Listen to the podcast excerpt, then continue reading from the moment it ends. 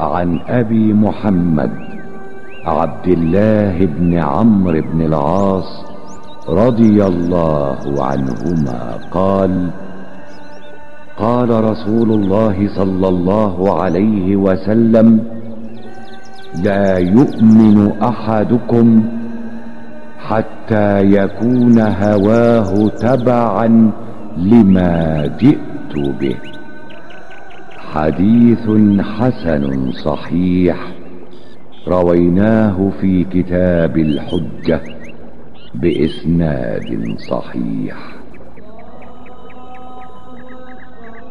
Od Ebu Muhammeda, Abdullaha ibn Amra ibn El-Asa, radijallahu anhu, prenosi se da je Allahu poslanik, sallallahu alaihi ve sellem, rekao Niko od vas neće biti pravi vjernik dok njegove strasti ne budu slijedile ono sa čim sam došao.